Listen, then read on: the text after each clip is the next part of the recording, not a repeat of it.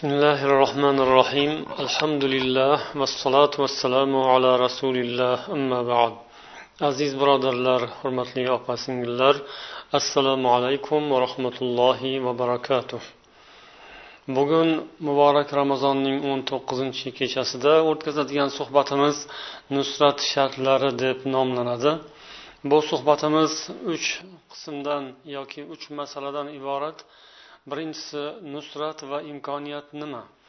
Ikkinchisi qur'on nusrat va tamkin haqida nima deydi? Uchinchisi nusrat va tamkin shartlari deb nomlanadi. Demak birinchi nuqta nusrat va imkoniyat nima? Barchalaringizga tanishki nusrat va imkoniyat tamkin kalimalari tilimizda tez tez takrorlanadi. Ayniqsa nusrat kalimasi ommabop ommalashib ketgan ya'ni barcha musulmonlar buni yaxshi tushunadilar anglaydilar. Ya'ni nusrat deganda yordam madad g'alaba tushuniladi. Ya'ni alloh taoloning nusrati e, keldi deymiz yoki allohdan nusrat umid qilamiz deymiz. Demak bu alloh taolodan mo'min bandalarga ato qilinadigan marhamat yordam g'alaba. Insonlarni maqsadiga erishtiradigan ularni dushmanlari ustidan g'olib qiladigan ulug' bir ne'mat. Tamkin esa bu ko'proq ahli ilmlar tillarida mm, zikr qilinadi. Talabalar tushunishlari mumkin lekin omma musulmonlar bu iborani tushunmasliklari mumkin. Tamkin ham mana shu nusrat ma'nosida qo'llanadi lekin biroz farqlari bo'lishi mumkin. Tamkin ma'nosi imkoniyat degan kalimadan olingan ya'ni arab tilida makkana degan kalima imkoniyatga erishtirmoq degan ma'noni bildiradi. Ana shundan olingan. Tamkin imkoniyat berish imkoniyatlarni kengaytirish muvaffaqiyatlarga erishtirish va bu ham shu nusrat ma'nosiga murodif bo'ladi. Ya'ni allohning yordami madadiga erishgan holda allohning marhamati bilan imkoniyatlari kengayish degan ma'noda. Bu ikki iborani bir biriga qo'shib nusratu tamkin ham deb aytishadi ya'ni tamkin nusrati degan ibora qo'llanadi kitoblarda. Ya'ni insonlarga musulmonlarga imkoniyatlarni kengaytirish bilan nusrat ato qilish degani bo'ladi. Har ikkisi ham alloh taolodan bo'ladi. ya'ni olloh o'zi xohlasa nusrat beradi va imkoniyatlarni kengaytirib beradi وما جعله الله إلا بشرى لكم ولتطمئن قلوبكم به وما النصر إلا من عند الله العزيز الحكيم degan alloh taolo oli imron surasining bir yuz yigirma oltinchi oyatida mana shu yerda ham وما nasr ya'ni g'alaba bu faqat azizu hakim sifatli ollohning huzuridandir deydi. Ya'ni insonlarga nusrat kelishi g'alaba nasib bo'lishi olloh taolodan bo'ladi. Insonlarning o'zlaridan emas. Olloh muvaffaq qilsa demak g'alabaga erishadilar. Shuning uchun doimo allohga bog'lanishlari kerak bo'ladi. Tamkin ham shunday imkoniyatlarni kengashi ham alloh taolodan bo'ladi. Bu haqda qur'oni karimda yusuf surasida alloh taolo yusuf alayhissalom haqlarida aytgan so'zlari o'rinli eslashimiz o'rinli. Degan. Shunday qilib biz yusufni yerda imkoniyatlarini kengaytirdik degan. Yigirma birinchi oyatda. Yana shu suraning ellik oltinchi oyatida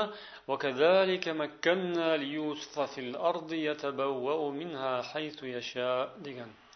shunday qilib biz yusufning imkoniyatlarini yerda kengaytirib qo'ydik u yerda xohlagan yeridan joy olib xohlagan yerga borib xohlagancha ishlarini amalga oshirib yurish sharoitiga ega bo'ldi degan ma'noda alloh taolo marhamat qilgan yana haj surasining qirq birinchi oyatida الذين إن مكناهم في الأرض أقاموا الصلاة وآتوا الزكاة وأمروا بالمعروف ونهوا عن المنكر degan mo'minlar musulmonlar haqlarida ya'ni ular shunday zotlarki agar biz ularga yerda imkoniyat bersak ular namozlarini ado etadilar zakotlarni beradilar va yaxshilikka chaqirib yomonlikdan qaytaradilar degan mo'min musulmonlarning tarifi haqida yana mana shu tamkin so'zi bilan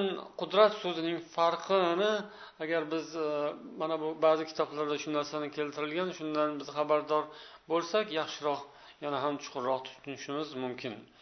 Al askariyning mujamul furuq mujamul furuq lug'aviyya asarlarida besh yuz qirq sakkizinchi moddada mana shu tamkinga berilgan izohni ko'ramiz.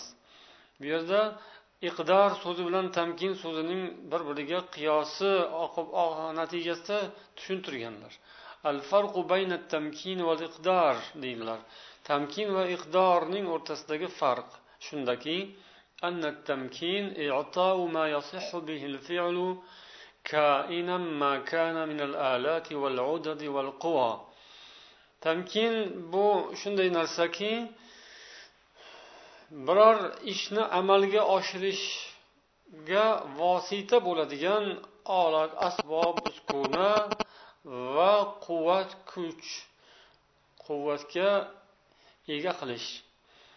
Ya'ni biror bir ishni amalga oshirish maqsadni amalga oshirish uchun kerak bo'ladigan asbobi uskunalarga va qudratga quvvatga ya'ni quvvat ham mana shunday har xil sharoitlar imkoniyatlar nazarda tutilmoqda ana shunday imkoniyatlarga ega qilishni tamkin deyiladi والإقدار إعطاء القدرة وذلك أن الذي له قدرة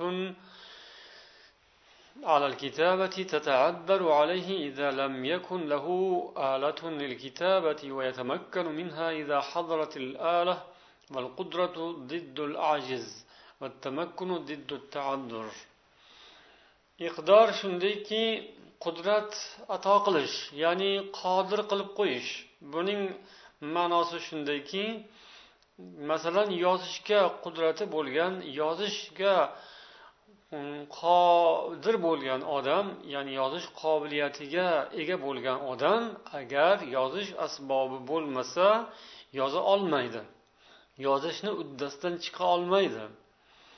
Agar yozish asbobi yozadigan olat asbob uskuna bo'lsa demak u yoza oladi yozishni biladi. Qudrat demak bu yerda ojizlikning ziddi. Ya'ni mm, bir inson yoza oladi. Qo'lda ruchka bersangiz qalam bersangiz chiroyli qilib yoza oladi. Birov esa yoza olmaydi. Qalam bersa ham yoza olmaydi. Demak u yozolmagan ojiz yozishdan ojiz. Qo'liga qalam berib qo'ysangiz yozishga yozishga qodir. Demak bu qudrat. Ammo tamkin tamakkun esa boshqacharoq. Tamakkun ya'ni imkoniyatga ega bo'lish. Bu demak uzrli holatdan chiqish ya'ni imkoniyatlari tor bo'lib harakat qila olmay qolishdan xalos bo'lish. Masalan qodir odam demak agar qo'liga ruchka bermasangiz u yoza olmaydi o'sha qobiliyatni ishga sola olmaydi. Qo'liga demak qalam bersangiz qobiliyatni ishga solish imkoniyatiga ega bo'lgan bo'ladi. Demak ana shu imkoniyat. Qo'liga qalam berib qo'yilishi imkoniyat. Qalamni olib qo'yilishi demak imkoniyat tamkindan mahrum bo'lishi. Lekin u qodir. Yozishga qodir lekin yozish imkoniyati yo'q. Demak imkoniyatni mana shunday tushunish mumkin. Demak qodirlik qudrat insonning jasadida ya'ni o'zining qudratida bo'ladigan uning kuchi quvvati demak imkoniyat esa unga beriladigan qo'shimcha sharoitlar asbobi uskunalar imkoniyatlar. Endi insonlarning hammasi ham nusrat va tamkinga albatta muhtoj bo'ladi. Kimligidan qat'iy nazar qanaqa toifalardan qat'iy nazar inson bolasi borki unga tashqaridan nusrat kerak va tamkin kerak imkoniyat kerak unga yordam kerak madad kerak. Shunga u doimo muhtoj bo'lib turadi. Xuddi shunga o'xshash musulmon odamlar ham albatta nusrat va tamkinga ehtiyoj bo'ladilar muhtoj bo'ladilar. Ular o'zlarining maqsadlarini amalga oshirish va alloh ularning zimmalariga buyurgan vazifani ado etish uchun nusrat va tamkinga ular muhtojdirlar. Bu haqda alloh taolo qur'oni karimda bizga juda ko'p yetarli kerakli zarur xabarlarni ma'lumotlarni bergan. Ya'ni mana shu imkoniyat va nusrat ning zarurligi biz shunga muhtojligimiz shuni biz qidirishimiz va ana shu bilan nusrat va imkoniyat bilangina biz maqsadga erishishimiz dunyoda ham oxiratda ham baxtu saodatga erishishimiz faqat shu bilangina bo'lishini olloh qur'oni karimda juda ko'p o'rinlarda bayon qilib bergan. Biz agar qur'onni yaxshi o'qib o'zlashtiradigan bo'lsak uning oyatlarini o'zimizga tadbiq qiladigan bo'lsak hayotimizning hamma soha javhalariga agar tadbiq qiladigan bo'lsak unda ana shu nusratni ham tamkinni ham ma'nosini anglab yetamiz va unga erishish yo'llariga ham inshaalloh muvaffaq bo'lamiz.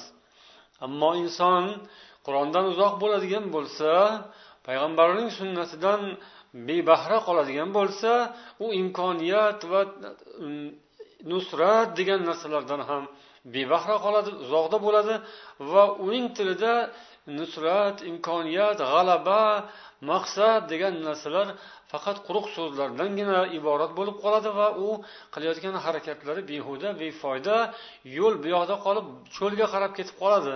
U qilayotgan ishlaridan foyda natija chiqmaydi maqsadga yeta olmasdan faqat gap bilan orzu havas bilan yoki afsusu nadomat bilan o'tadi bu dunyodan. Demak inson o'z maqsadiga ayniqsa musulmon inson maqsadiga erishmoq uchun o'zining robbisi yaratib bu dunyoga keltirib qo'ygan zotning so'ziga quloq solish kerak uning kitobini varaqlash kerak o'qish kerak undan kerakli foydalarni yo'l yo'riqlarni olish kerak. Ayniqsa bugungi kunda musulmonlarning ustlarida har xil musibatlar mashaqqatlar kulfatlar bo'lib turgan paytda ular yordamga muhtoj bo'lib turgan bir holatda yordam qayerdan bo'ladi? Ollohdan bo'ladi. Ollohdan ollohdan bo'ladigan yordamni qanday biz topamiz? Uning yo'li qayerda? Uning yo'li qur'onda. Buni o'qish o'rganish kerak va uni tadbiq qilishga harakat qilish kerak boshlash kerak. Bir nazar solsangiz juda ham og'ir holat mashaqqat qiyinchilik. Juda maqsadga yetish qiyindek haqiqatdan lekin bir jihatdan qarasangiz bu amalga oshirib bo'lmaydigan ish emas. Bu yetib bo'lmaydigan osmondagi oy emas. Yetib bo'lmaydigan narsaga olloh bizni chaqirgan emas. Alloh taoloning nusrati bizga juda ham yaqin. Alloh taoloning o'zi bizga juda ham yaqin.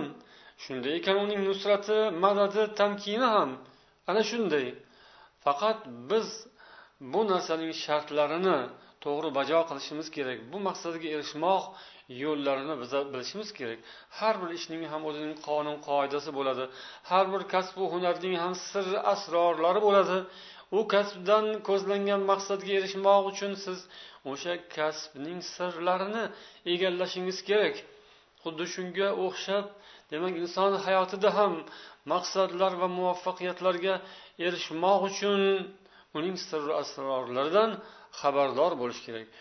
U o'z o'zidan keladigan narsa ham emas va u yetib bo'lmaydigan narsa ham emas. Alloh taolo yer yuzida mo'min musulmonlarni yaratgan ekan bu bekorga emas. Alloh mo'min musulmonlarning zimmalariga ular amalga oshirishlari kerak bo'lgan vazifalarni yuklagan va uning yo'llarini ham o'zi ko'rsatgan va o'zi yordamni ham berishga va'da qilgan. Endi mana shu nuqtaga bog'liq ikkinchi nuqtaga ko'chamiz. Qur'oni karim nusrat va tamkin haqida nima deydi? Alloh taolo g'ofir surasining ellik birinchi oyatida marhamat qiladi. Audu billahi minash shaytonir rojim inna lanansuru rusulana vallazina amanu fil hayatid dunya va yawma yaqumul ashhad. Biz albatta o'zimizning elchilarimizga va iymon keltirgan insonlarga dunyo hayotida ham va guvohlar qoyim bo'ladigan kunda ham nusrat ato qilurmiz. Yordam beramiz madad beramiz g'alaba ato qilamiz deydi. Yana rum surasining qirq yettinchi oyatida degan. Mo'minlarga yordam berish bizning zimmamizda aniq bizning zimmamizdadir degan. Muhammad surasining yettinchi oyatida deydi. agar sizlar ollohga yordam bersangizlar u ham sizga albatta yordam beradi degan yana soffat surasining bir yuz yetmish birinchi bir yuz yetmish uchinchi oyatlarida ولقد سبقت كلمتنا لعبادنا المرسلين إنهم لهم المنصورون وإن جندنا لهم الغالبون biz o'zimizning mursal bandalarimizga albatta yordam beramiz degan kalimamiz haqdir. Ular shubhasiz yordam nusrat nusratga erishuvchi zotlardir ana o'shalardir. Albatta bizning askarlarimiz ana o'shalar g'olib bo'luvchilardir degan. Mana bu bu oyatlar va bunga o'xshagan boshqa oyatlar ham juda ham ko'p. Alloh taolo bunda o'zining solih bandalarini qo'llab quvvatlashini va'da qilgan. Ular agar da'vatning mashaqqatlarini mana shu haq yo'lga bo'lgan harakatlari va shu yo'lga bo'lgan da'vatlari chaqiriqlarining mashaqqatlariga sabr qila olsalar shu yo'ldagi azobu uqubatlarga ular dosh bera olsalar olloh ularga albatta yordam berishni va'da qilgan. Ya'ni eng muhimi shuki olloh ana shu da'vat qiluvchi yaxshilikka chaqiruvchi odam ollohning nusratiga sazovor bo'luvchi odam payg'ambarmi yoki oddiy insonmi buning farqi yo'qligini ham mana shu yerda bashorat qilgan. Albatta avval boshlab olloh payg'ambarga beradi yordamni. Va ulardan keyin oddiy mo'minlarga ham beradi yordamni. Oddiy mo'min musulmonlarning oddiy bir kishi kishisi oddiy bir mo'min inson sodda bir mo'min inson o'sha ham olloh payg'ambarga bergan nusratiga bu ham loyiq bo'lishi mumkin. Olloh bunga ham o'sha yordamni o'sha nusratni berishi mumkin. Alloh taolo faqat payg'ambarlarga beradi yordamni degan ajratish yo'q. Modomiki mo'min inson payg'ambarga ergashgan ekan uning yo'lini davom ettirayotgan ekan uning dinini aziz qilish uchun uning dinini kuchlantirish uchun uning dinini rivojlantirish uchun agar hissa qo'shmoqchi ekan alloh unga ham beradi. O'sha elchisi rasuliga bergan yordamni. Kimki ezgulikka yaxshilikka chaqirar ekan yomonlikdan qaytarar ekan olloh unga mana shu dunyoda nusratni va'da qiladi. Oxiratdan avval hali oxirat kelishidan avval mana shu dunyoda yordam berishni va'da qilgan. Fil hayati dunya dedi. Dunyo hayotida. Va guvohlar qoyim bo'ladigan qiyomat kunida ham. Demak bu so'zlar mo'min musulmonlarning qalblariga juda ham katta bir umid baxsh etadigan so'zlar. Bu so'zlar e, musulmonlarning g'animlari muxoliflarning aytayotgan so'zlarini chilparchin qiladi.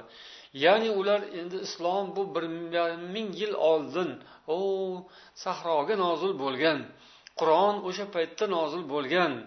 Endi bu hozir taraqqiyot zamoni.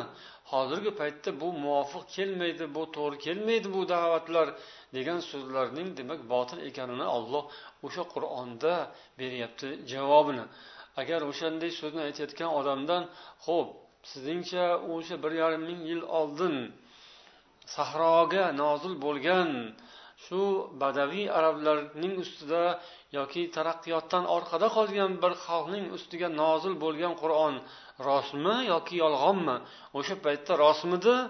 Shu nozil bo'lgani ollohdan ekaniga ishonasizmi? Olloh shuni nozil qilgan ekan mayli oldin bo'lsa ham ollohning so'zi rostmi? Albatta rost deydigan bo'lsa demak mana bu so'zi ham rost. Olloh aytyapti iymonli bandalarimizga biz shu dunyoda ham oxiratda ham yordam beramiz madad beramiz deydi. Demak mo'minlar musulmonlarga shubha urug'ini sochayotgan va dinlarini hozirgi zamon talablariga muvofiq kelmay qoladi yoki kelmay qolgan shunday javob bera olmay qolgan degan shubhalarni tarqatayotgan insonlarga mana shu oyat dalil bo'ladi. Va mana qur'oni karimdan yana tarixiy misollarni ham biz eslab o'tishimiz mumkin. Alloh taolo yusuf surasida yusuf alayhissalom haqida aytganlarini biz yuqorida zikr qildik. Biz yusufga yerda xohlagancha ishlarni amalga oshirish imkoniyatlarini yaratib berdik degan.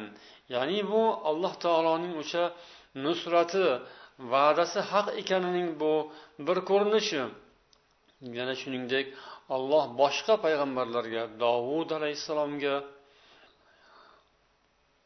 ulardan oldinroq yusuf alayhissalomga keyin muso alayhissalomga keyin dovudu sulaymon alayhissalomlarga va'da qilgan nusratlari hayotda amalda ko'ringan. Ularni alloh taolo juda katta imkoniyatlar bilan siylagan. Ularga alloh qanchadan qancha mashaqqatlar og'ir sinovlar musibatlar berish bilan bir qatorda ana shu musibatlardan sinovlardan sinalib chiniqib o'tganlaridan keyin olloh katta muvaffaqiyatlarni ham bergan olloh o'zining tamkinini nusratini ham ato qilgan. Bu tarixiy haqiqat bu narsalar demak tarixda bo'lib o'tgan mm, voqealar. Mana shu masalan muso alayhissalom qavmlari fir'avn bilan bo'lgan mojarolar ularga allohning bergan yordami nusrati ana undan keyin esa muso alayhissalomning o'sha banu isroil qavmlarining zurriyotlaridan kelib chiqqan paydo bo'lgan keyinchalik dovud alayhissalom sulaymon alayhissalom ana ularning davrlariga kelib olloh bergan nusratning eng cho'qqisi eng yuqori cho'qqisi o'sha paytlarda olloh ularga ato qilgan nasib etgan ya'ni dovud va sulaymon alayhissalomlar ollohning nusrati bilan o'zlarining davlatlarini barpo qilganlar. Ana o'sha paytda demak ular ollohning qonunlari bilan hukm yuritadigan davlatni barpo qilishgan. Sulaymon va dovud alayhissalomlar ham podshoh ham payg'ambar bo'lganlar. Demak bu alloh taoloning tarixda ya'ni payg'ambarimizdan oldingi o'tgan zamonlardagi nusratining misolidir. Endi eng yangisi ulardan keyingisi esa hazrat payg'ambar muhammad sollallohu alayhi vasallamga olloh yanada mukammalroq yanada kengroq yanada go'zalroq nusratlarini ato ayladi. Bu endi ko'pchiligingizga hammangizga ma'lum. Rasululloh sollallohu alayhi vasallam bu yo'lda qancha mashaqqat ozor chekdilaru va qancha muvaffaqiyat va yutuqlarga g'alabalarga erishdilar. Bu narsa oydek kundek ravshan.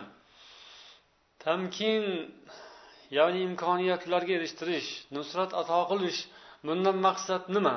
Agar mo'minlarga musulmonlarga allohning nusrati imkoniyatlari nasib bo'lsa ularda ulardan nima kutiladi? Alloh bu haqda ham o'zi haj surasining qirq birinchi oyatida marhamat qiladi.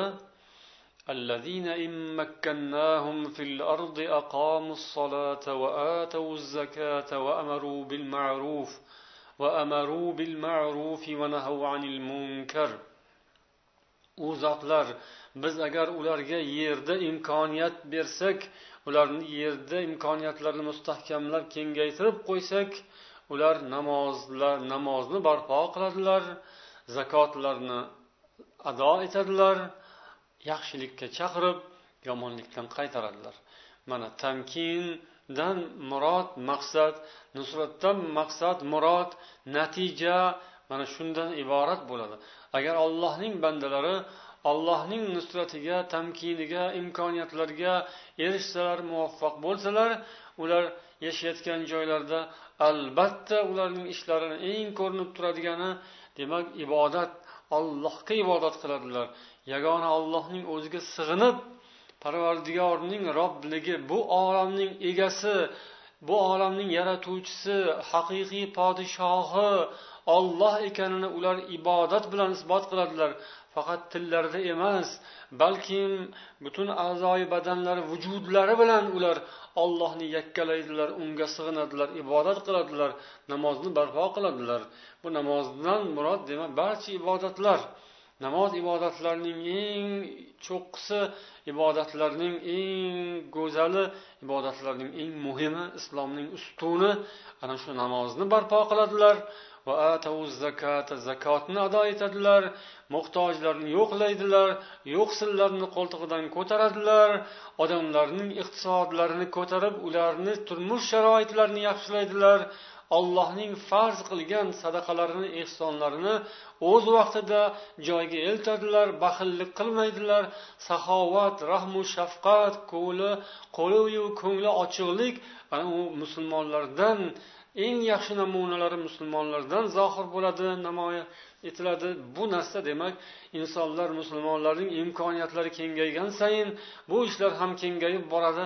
Demak ana shunday qilib ular dunyoni ham obod qiladilar. Va amaru bil ma'rufi va nahu anil munkar. Ular yaxshilikka chaqiradilar. Agar ularga imkoniyat berilsa ularning sharoitlari kengaytirilsa ularning yo'llaridan tazyiqlar to'g'anoqlar to'g'onlar olib tashlansa ularga imkoniyat erkinliklari nasib bo'lsa ular erkinliklarini imkoniyatlarini qo'lga kiritsalar olloh ularni muvaffaq qiladi mana shu ishlarga. Agar olloh ularga nusrat tamkin imkoniyat bersa ular yaxshilikka chaqiradilar. Amaru bil ma'ruf yaxshilikka ma'rufga chaqiradilar ezgulikka chaqiradilar hammani. Va anil munkar yomonlikdan qaytaradilar. Fisqu hujurdan fahshdan ig'vodan fitnadan haromxo'rlikdan poraxo'rlikdan o'g'irlikdan iflos yaramas ishlardan botil narsalardan qaytaradilar. O'zlari ham qaytadilar. Boshqalarni ham qaytaradilar. Alloh taolo qur'oni karimda ana shunday ishlarni qilgan zotlarni ko'p hikoyalarini misollarini keltirgan. Alloh ularga tan tamkinu nusrat ato qilgan zotlarni qilgan amallari harakatlarini misolini keltirgan va ularning sifatlarini ham keltirgan. Ana o'sha yuqorida aytilgandek yusuf alayhissalom sulaymon alayhissalom yoki zulqarnayn kabilarni alloh taolo qilgan amallarini maqtagan va musulmonlarni ham ana shunday ishlarni qilishga chaqirgan. Ya'ni qur'on nozil etilgan siz bilan bizga ham alloh taolo ana o'sha zotlar qilgan ishlarini hikoya qilib maqtab ibrat qilib ko'rsatgan. Ular ham ollohning dinini islomni targ'ib qilganlar ollohning amrlarini farmonlarini yer yuzida joriy qilganlar va allohning mukofotlariga sazovor bo'lganlar xalqlarning ham tilida yaxshi nom qoldirib ketganlar. Yuhibbuhum va yuhibbunahu deb alloh taolo yana moyda surasida ularni ta'riflaydiki olloh ularni yaxshi ko'radi. Ana shunday ya'ni imkoniyatlarga ega bo'lgan mo'minlarni olloh yaxshi ko'radi va ular ham ollohni yaxshi ko'radilar va ular ollohning yo'lida haq ishlarni amalga oshiradilar. Mo'minlarga juda ham kamtarlik bilan hokisorlik bilan yaxshi insonlarga yaxshiliklarni ko'rsatadilar. Ammo yomon odamlarga iymonsiz odamlarga esa o'ziga yarasha muomalani qilishni biladilar. Olloh yo'lida ular harakatlarini davom ettiradilar. Haq yo'lda ular malomatchilarning malomatlaridan ig'voyu fitnalardan tuhmatlaridan qo'rqmaydilar deb alloh taolo ana shunday insonlarni maqtagan.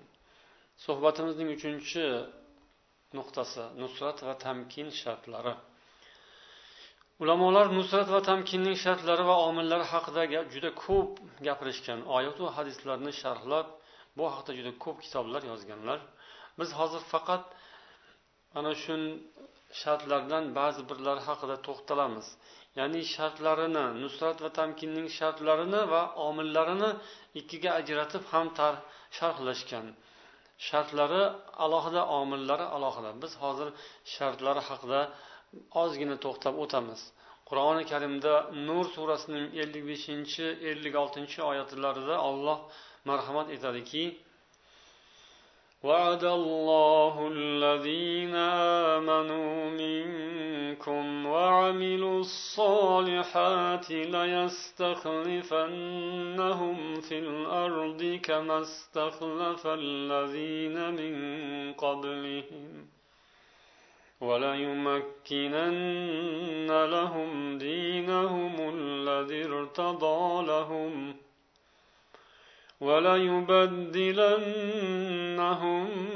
من بعد خوفهم أمنا يعبدونني ولا يشركون بي شيئا ومن كفر بعد ذلك فاولئك هم الفاسقون وأقيموا الصلاة وآتوا الزكاة وأطيعوا الرسول لعلكم ترحمون alloh sizlardan iymon keltirgan va solih amallar qilgan insonlarga ularni xuddi avvalgilarni xalifa qilgani kabi yerda xalifa qilishni o'zi rozi bo'lgan dinlarini mustahkam qilishni va xavfu xatarlarni tinchlikka aylantirishni va'da qildi deydi nur surasining ellik beshinchi oyatida.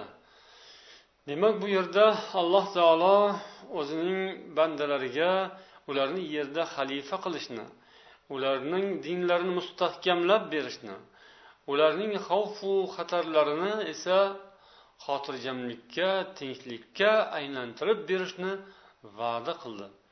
Bu alloh taoloning va'dasidir. Agar insonlar ham mo'minlar ham olloh qo'ygan shartlarni bajo qiladigan bo'lsalar qachon shu shartlar amalga oshadigan bo'lsa olloh ana o'sha va'dalarni albatta kechiktirmasdan yuboradi. Demak bu shartlar nimalardan iborat? Allohning qur'oni karimdagi qator oyatlaridan o'qib xulosa qilinadigan shartlar quyidagicha. Birinchisi alloh taologa iymon keltirish. Iymonning barcha ma'nolari va arkonlari shartlari bilan butun iymon keltirish. Ikkinchisi solih amal qilish. Solih amalning ham hamma shartlari bilan hamma ko'rinishlari bilan ajratmasdan birini u yoqqa birini bu yoqqa qilmasdan olloh qanday buyurgan bo'lsa nima solih amallarni buyurgan bo'lsa hammasini hamma javhalardagi har xil turlardagi solih amallarning barchasini bajo qilish va mana shu bilan bandaliklarini namoyon etish. Allohga banda ekanimizni biz solih amallar bilan ya'ni ibodatlar bilan boshqacha ibora bilan aytsak ibodat bilan. Solih amal va ibodat bir biriga mutarodif so'zlar ya'ni sinonim so'zlar. Bir birini o'rnini bosadigan so'zlar bir birini ifodalaydigan so'zlar. Ibodat deganda hamma solih amallarni tushunamiz. Solih amal deganda hamma ibodatlarni tushunamiz. Birdan ikkinchisi alohida bo'lishi mumkin emas. Barcha turdagi solih amallar bilan ibodat qilib biz ollohga o'zimizning banda ekanimizni namoyon qilishimiz ollohning tavhidini ham ibodatda ham e'tiqodda shunday namoyon etishimiz bu bizning parvardigor huzurida ibodatimiz va demak ikkinchi shart mana shu solih amallarni bajo qilganimiz bo'ladi. Uchinchi shart bu shirkka qarshi turish shirkning har qanday ko'rinishi har qanday shakllari navlari turlari uning zohiriyu botini oshkorosiyu maxfiysi kattasiyu kichkinasi ularning barchasidan demak xoli bo'lish uzoq bo'lish va ularning barchasiga qarshi turish kurashish unday shirkni demak hayotimizdan hayotimizdan siqib chiqarib tashlash shirkning biron bir zarrasini o'zimizga yaqinlashtirmaslik. Bu uchinchi shart. To'rtinchi shart esa olloh azza va jalladan taqvo qilish. Hamma ishimizda hamma holatimizda yashirinu oshkoro kechasiyu kunduzi odamlarning oldidayu o'zimiz xoli qolganimizda har qanday holatda har qanday sharoitda ollohdan qo'rqib turish allohdan taqvo qilish barcha ishlarimizni olloh ko'rib turibdi. Olloh hisob kitob qilyapti. Uning farishtalari yozib borishyapti. Biror bir zarra qolmaydi. Biror bir narsa ollohning nazaridan e'tibordan chetda qolib ketmaydi har biriga. Hisob kitob bor. Haloliga hisob haromiga azob bor. Ollohdan qo'rqish kerak. Ollohdan taqvo qilish bu dunyo uchun ham kerak oxirat uchun ham kerak. Demak qisqacha zikr qildik biz.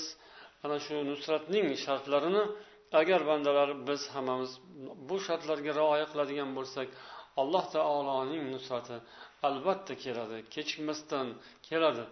Endi mana shu shartlarning har biri haqida yetarlicha batafsil to'xtash kerak bo'ladi. Bu faqatgina bir ikki og'iz so'zlik mavzu emas. Allohga iymon keltirish ham haqiqiy iymon qanday bo'ladi? Yoki solih amallarni hayotda tadbiq qilish amal qilish bunga hayotda amal qilish qanday bo'ladi? Bu juda ham keng katta mavzu. Shirkka qarshi turish yoki ollohdan taqvo qilish bular bu mavzular nihoyatda qiziqarli va nihoyatda keng chuqur nihoyatda foydali zarur mavzular.